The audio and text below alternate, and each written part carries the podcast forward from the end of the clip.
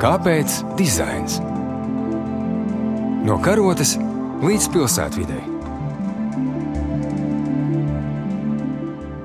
Klasikas studijā Ilza Martinsone, Latvijas arhitektūras muzeja vadītāja, un mana saruna biedra šodien ir Indra Purs, Rīgas pilsētas galvenā ainavu arhitekte.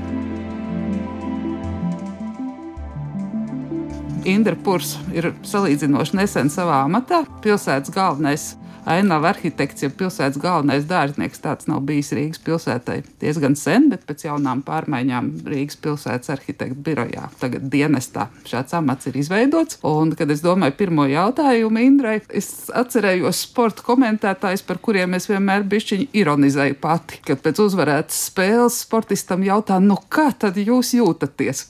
Bet es nevarēju Indrai nepajautāt, kā viņa jūtas šajā situācijā, tāpēc ka viņas priekšgājēji ir absolūti leģendārs personis kādreizējais Rīgas pilsētas galvenais dārznieks Georgs Kūfalds, kurš būtībā izveidojis Rīgu tādu, kā tā ir šodien, ar visām zaļajām joslām, un pēc tam viņa sekotājs Andrejs Zēdaks. Man liekas, tā ir tāda liela atbildības nasta morāla, kas tagad jaunai sievietei ir uzvēlta, ja bez pārspīlēju. Patiesi liels paldies par šo jautājumu. Es pirmkārt gribētu apsveikt to iespēju, ka Rīgā atkal ir atjaunots pilsētas galvenā ainava arhitekta amats. Tas pirmkārt pirmkārt ir prieks un gandarījums arī nozarei, kurā ilglaicīgi teica, ka šāds amats ir nepieciešams. Šo priekšgājēju ir bijis daudz. Es esmu gan daudz iedziļinājies tieši Rīgas vēsturē, un Rīgas ainavu un dārzu parku veidotāju vēsturē, un arī to profesiju ir bijis daudz. Ir bijis arī Filipo Paulucci, Cigra, Kūfalds pats par sevi, Zeidaks, Lināra. Tur mums ir diezgan garš saraksts. Bet kas pats svarīgākais, tas padara Rīgu lepnu, tas man dod spēku, dod paļāvību. Jo tās ir tradīcijas, kuras vienkārši cieņpilni un ar pazemību ir jāmeklē veids, kā turpināt. Jā, man pirmā iepazīšanās ar Indru notika arhitektūras muzejā, kur Indra bija atnākusi ļoti rūpīgi pētīt savu priekšgājēju darbus. Tad es saprotu, ka tam visam ir arī zinātnisks pamats, jo Indra pašlaik raksta arī doktora darbu. Vai tās zinātniskās intereses sakrīt šobrīd ar praktiskajām? Nu, tas pētnieka gars un tīri tā metodoloģijas pieeja, kas studējot doktorantūrā un nu, strādājot pie pētījumiem, ir ļoti jānostiprina. Ja? Tāda liela kvantitāte, liels datu apjoms. Tas noteikti ir tas, kas lielajā Rīgas mērogā nu, ļoti iet roku rokā.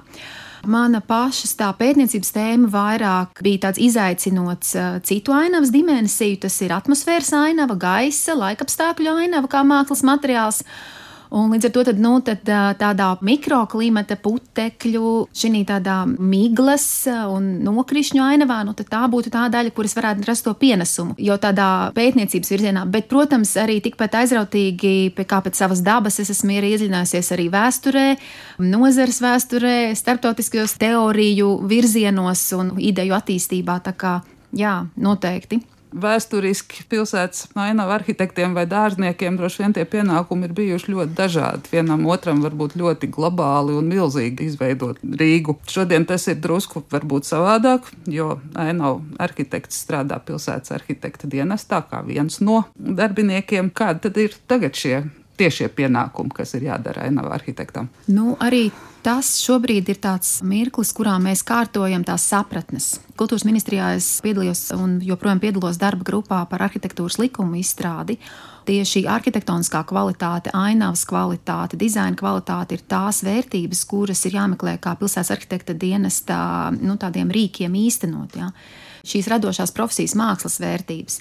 Un kopš tā laika, kad mēs pieminējām tos senos laikus, jā, tā izpratne par arhitektūru un izpratne par ainavu arhitektūru jau ir mainījusies.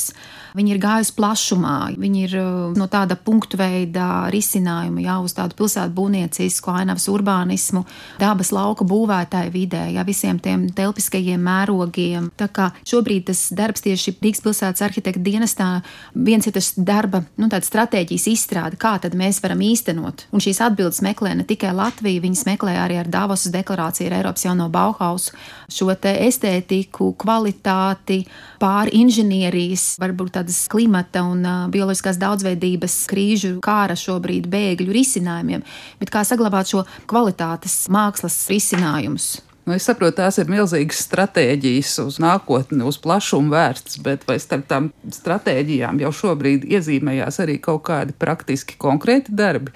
Jo es parādzu, ka vidējais rīznieks daudz vairāk interesējās par to, ko viņš dabūs tulīt un varēs klaigāt vai apsveikt, tas ir labi vai slikti, un tās nākotnes stratēģijas tās paliek speciālistiem. Būs lietas, kurām nebūs tik viegli pielikt plāksnīti, ka šis ir tas, kuram var parakstīties apakšā un teikt, ka šis ir uh, pilsētas galvenā ainu arhitekta veikums. Bet ir virknē mobilitātes risinājumu, un ja pirms tam mēs varētu runāt par to, ka ainu arhitekta loma vairāk bija tādos uh, parkos, jā, tādos skvēros. Uh, sanāk, varbūt vispirms jau ar jā, priekšpilsētu dedzināšanas arī teiksim, ielu asīs, varbūt pie šīm ielām šobrīd mēs atgriežamies. Un vēlo sabiedriskā transporta mobilitātes risinājumos jau šobrīd norit darbs pie tā, lai iestrādātu šīs ainava arhitektūras kvalitātes. Tā, tas būtu tāds pirmais, bet pārējos darbos varbūt tā kā iestarpināsies, ja starp citām lietām, nu, tā kvalitāte. Un Rīga ļoti gaidīja. Es jutos ļoti, ļoti gaidīta un ļoti aicināta daudzās darba grupās piedalīties.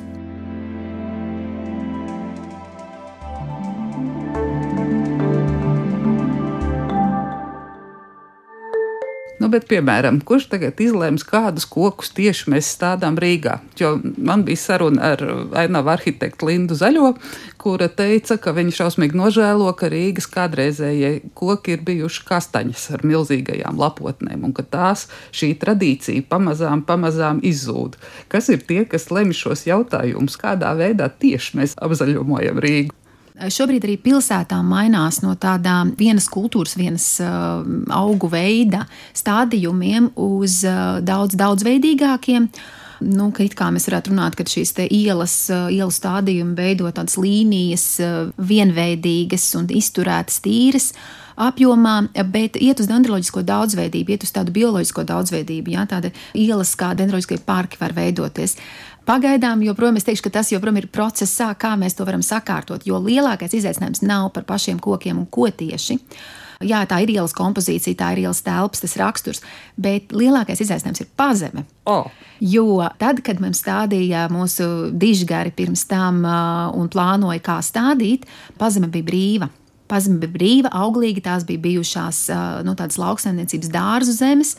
Kurās tad iestādītie koki varēja labi augt, un to mēs šobrīd to rezultātu baudām. Pašlaik mums ir visa pazema aizņemta ar inženieru komunikācijām, un Rīgas centrā tieši atrast vietu kokam, tas ir vislielākais izaicinājums, un arī viens pašlaik no maniem darba tādiem strateģiskiem risinājumiem. Kā rezervēt vietu, kā veidot šādu nu, aizsargu zonas, aizsargu joslas, ka šī ir arī zaļā inženieru komunikācija. Jā, tas ir ļoti interesanti, jo es domāju, ka par to ikdienas pilsētas lietotājs vispār neiedomājās par šo aizņemto pazemi. Bet jums ir arī kādi palīgi, jūs ņemat tālāk arboristus.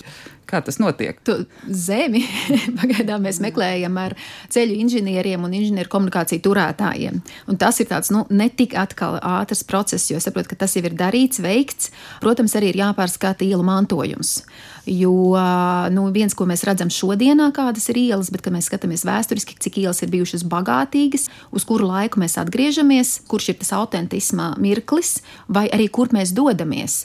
Jo Latvijā ir raksturīga tāda liela dabas mīlestība, panteisms tādā foršā veidā. Un eh, šo dabas mīlestību, ziedu mīlestību, ko Zeideks ļoti ienes savulaik parkos, tie parki bija ziedoši, koši. Viņiem ir jāmeklē veids, kā jaunā, šī laikmetīgākajā veidā ienest iekšā pilsētā, un arī kā paši rīznieki varētu līdzdarboties. Ka tas koks vai tas krūms vai ziedi ir daļa no viņu dzīves, no tām mazajām ārtelpām, privātajām, jā, tālāk līdz publiskajām, tuvajām logam, terasei, ielai, tuvajam skvēram, līdz tālāk parkam un pavisam Rīgas sauvaļām. Un, uh, tad šī kultūra daba un tās augaļas, tās savienot, eh, sapludināt. Jā. Nu, tas, ka tas vairs nav kaut kas ārpus manis, bet tas ir, lai gan tā nav mana privātā zeme, bet tas kļūst iedzīvotājiem personiski. Es tā to saprotu. Jā, un arī lielās pilsētas, tas jau nav tikai Rīga. Lielās Eiropas uh, pilsētas ir nu, budžeti ir tādi, kādi ir visiem. Un šī koprade, līdzdarbošanās, jā, ir vēl viens no risinājumiem, kā to paveikt pie mhm. tiem finanšu ierobežojumiem, kādi laika ierobežojumiem. Jā, bet man joprojām gribas atgriezties pie tēmas par lielajiem kokiem. Tāpēc, ka tie ir mani personīgie novērojumi daudzus gadus rakstot par arhitektūru. Tieši ar šo aizņemto pazemi. Zem jaunajiem projektiem, zem dzīvojamām mājām tiek izbūvēts pazemes garāžas, kas aizņem milzīgu telpu, un tur stāda dažādus podaugus. Man liekas, ka lielie milzu koki, kā pilsētas sastāvdaļa, pamazām izzūd. Vai tam ir risinājums, vai manas bažas ir pamatotas vai veltas? Bažas ir diezgan pamatotas. Jā, arī daudz vietā pasaulē tieši šī praksa ir tāda, ka mēs um, nevēlamies ielu telpā, no tādā cilvēku telpā, dzīvot kopā ar mašīnām. Mēs gribam no ēkas iziet plaukstošā skvērā, tādā dārza sajūtā vai sauvaļas sajūtā, kur nu mēs gribam doties. Ja, tas ir jautājums, kā to panākt. Nu, šo lielo autotransportu palikt zem zemes. Un tur tomēr nu, tie risinājumi ir bet tie nekad nebūs eh, nu, tādi milzu koki, ar ko mēs šobrīd redzam parkos un ar ko mēs lepojamies. Tā kā tur uh, drīzāk ir jāmeklē veids, kā rezervēt, rezervēt vietas, rezervēt zonas, kurās ir vieta šiem lielajiem kokiem.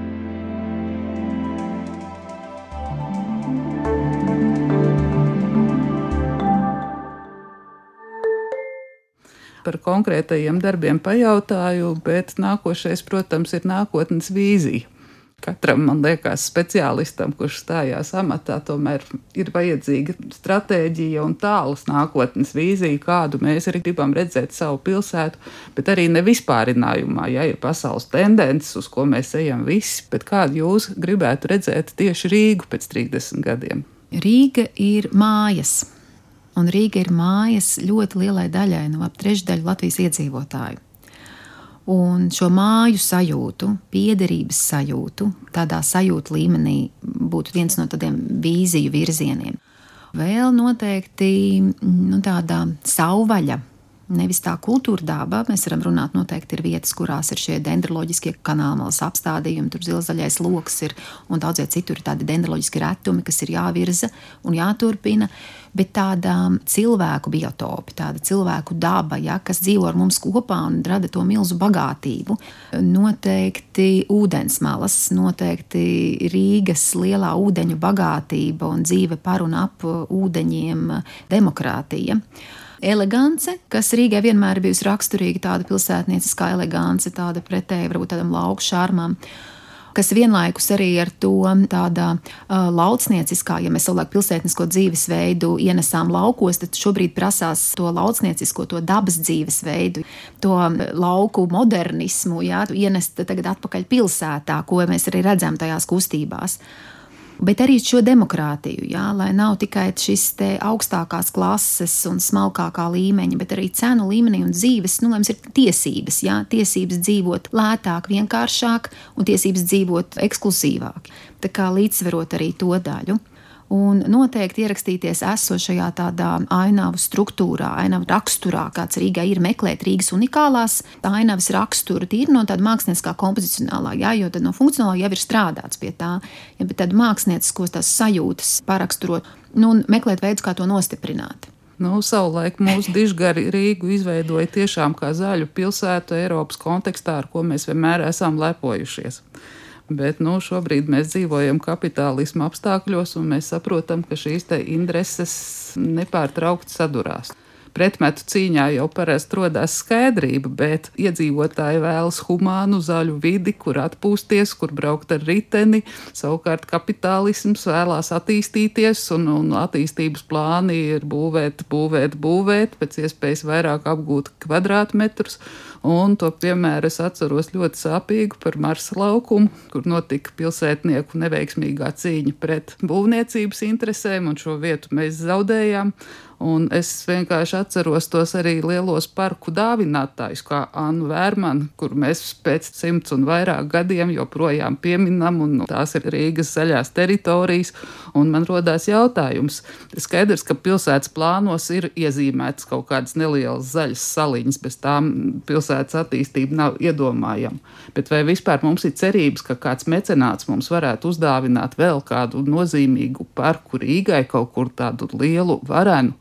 Un šo īstenībā domu es atcerējos vēl tajā brīdī, kad es domāju par pilsētas simtgades svinībām, kad salūtos tika uzšauts gaisā milzīgi daudz naudas, un droši vien, ka visi rīznieki atcerās to konfliktu par simtgades alejas izveidošanu, kuru inicijēja toreizējā Rīgas dome. Es ticu, ka viņi to darīja ar labiem nolūkiem, bet te bija pilnīgi pretruna, ja esošu zaļu aleju apkarināt ar simtgades rotājumiem, ar grabuļiem, un man likās, ka to grabuļu izrotājumu vietā būtu vajadzējis radīt kaut ko paliekošu simtgadus parku pēc nākošajiem simts gadiem, kuru sauktu par Latvijas simtgadus parku. Vai vispār mums ir cerības kaut ko tādu iegūt? Es teiktu, ka šis ir labs jautājums, kuram ir jāļauj izskanēt kā jautājumam. Jo ne man to lemt, bet man to būtu aicināt, ja, tāpat kā mums vispār šai profesionālajai sabiedrībai aicināt un skaidrot par šo ieguvumu, kā šis ieguldījums tajā ārtelpā, nu, tieši tajā tādā ļoti jauks bija piemērs ar vērmani, vai arī kā pirmās Rīgas ielas ir veidotas uz ziedojumiem. Johans Hermans Cīgrā ar priekšpilsētas apstādījumu komiteju no 1813. gada tas viss tika savākts uz ziedojumiem, ja dažādos veidos, un tikai tad pilsēta piedalījās līdzfinansējot to visu. Tā kā šī ziedojuma kultūra, lai tas vispār notiktu, gan arī darba ziedojums, tās talkas, vēl pa vidu mums jau ir pārāvums, kur bija tā zaļā celtniecība padomu periodā. Jā, mums bija dārza pilsētas, bet tad arī bija lielais zaļās celtniecības bums, kad ar daudz tika darīts un izdarīts. Un tas viss tika darīts arī daudz kur ar eh, līdzdarbošanos, gan finansiālu, gan darbu. Nu, manuprāt, šis ir vērtīgs uzsaukums. Otrs uzsaukums ir uh, politiskā griba, kur uh, jāsaprot un ir jānodefinē vai un ko mēs gribam. Un ka mēs šim atvēlam savu vietu, atvēlam savu spēku, laiku un enerģiju. Un trešā lieta ir profesionāla sadarbība.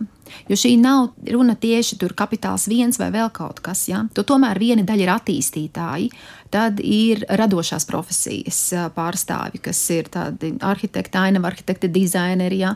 tad ir inženieri, būvniecības nozares profesionāļi ja mēs spētu sadarboties un cieņpilni viens pret otru, kur šobrīd Eiropas jaunais Bauhaus vismaz nu, tādā Eiropas līmenī mūs mudina, es domāju, ka mēs atrastu risinājumus. Tad es drīzāk par to sadarbību, lai tas varētu notikt. Lai nav tā, ka ar vienu finansējumu mēs iznīcinām ko citu, un ar viena profesionāļa darbu mēs iznīcinām otras profesijas vērtības. Jā, es pieķēros vēl tai idejai par ziedojumiem, bet man atkal radās šeit jautājums. Viena lieta ir, kad mecenāts kaut ko ziedo, bet pēc tam pilsētai tas ir jāturpina uzturēt, un tie ir ieguldījumi. Kapitālisms apbūvē kaut ko, un pēc tam no tā gūst peļņu. Šī gadījumā tas ir nemitīgs finansējums kaut kā uzturēšana. Es atceros brīdi, kad privāts kapitāls izveidoja laikmetīgās mākslas muzeju, un valsts nebija gatava šo projektu ņemt pretī kā dāvinājumu, jo tas prasīja tālāk regulārus līdzekļus. Kā mēs varētu rosināt pilsētu, ka iedzīvotājiem tas ir vajadzīgs? Vai mums iet demonstrācijās, vai uzsaucam tagad, šajā brīdī piesakam ideju? Piesakam, piesakām ideju, jo arī šorīt vēl bija saruna ar to, ka jā, mēs gribam zaļu Rīgu, mēs gribam Rīgu kā oāzi, kā mājas, kā nu, tādu Latvijas dabas pilsētas eh, piemēru, kas vispār viss iespējas būt bet šīs rūpes par to, kurš uzņemsies rūpes, lai tas notiktu ikdienā. Jo arī skatoties atpakaļ, daudz kas ir bijis paveikts, bet tieši dēļ šī ieguldījuma ikdienas rūpēm, tas ikdienišķā, nepamanāmā, kuram nevar pielikt plāksnīti klāt šajā gadā nodots eksploatācijā, ja, tas viss ir panīcis. Tas būtu tas lielais risinājums, bet tas izaicina arī projektus. Tapt projektiem, nu, ar to lielo palietoto jau vārdu ilgspējīgiem, bet meklēt tādus risinājumus, lai tieši šajos augu, augu risinājumos viņi ir patstāvīgi, ja, lai viņi pašpietiekami ir šie augi, lai viņi ir laimīgi augi pilsētā. Un tas viens no arī tiem maniem redzējumiem ir tomēr pārskatīt un meklēt tādus projekta izpēti, šos urbānos biotopus, kas ir tie augi, kuri jau mums dzīvo apkārt kaut kādās mazāk vai vairāk pilsētas intensīvāk lietotās vietās, arī parkos, grāvjos, upes malās, kur ir tie laimīgie. Un tad mēs varētu dabūt to lielo zaļo pilsētas dabu ar mazākām rūpēm. Indra, paldies par sarunu! Studijā bija Ilza Martinsone, Latvijas arhitektūras muzeja vadītāja, un Indra Purs, Rīgas pilsētas galvenā ainavu arhitekte. Raidījums tapis ar valsts kultūra kapitāla fonda atbalstu. Kāpēc dizains? No karotes līdz pilsētvidē. Pirmdien, 9.5. ar atkārtojumu sestdien, 18.18. 18.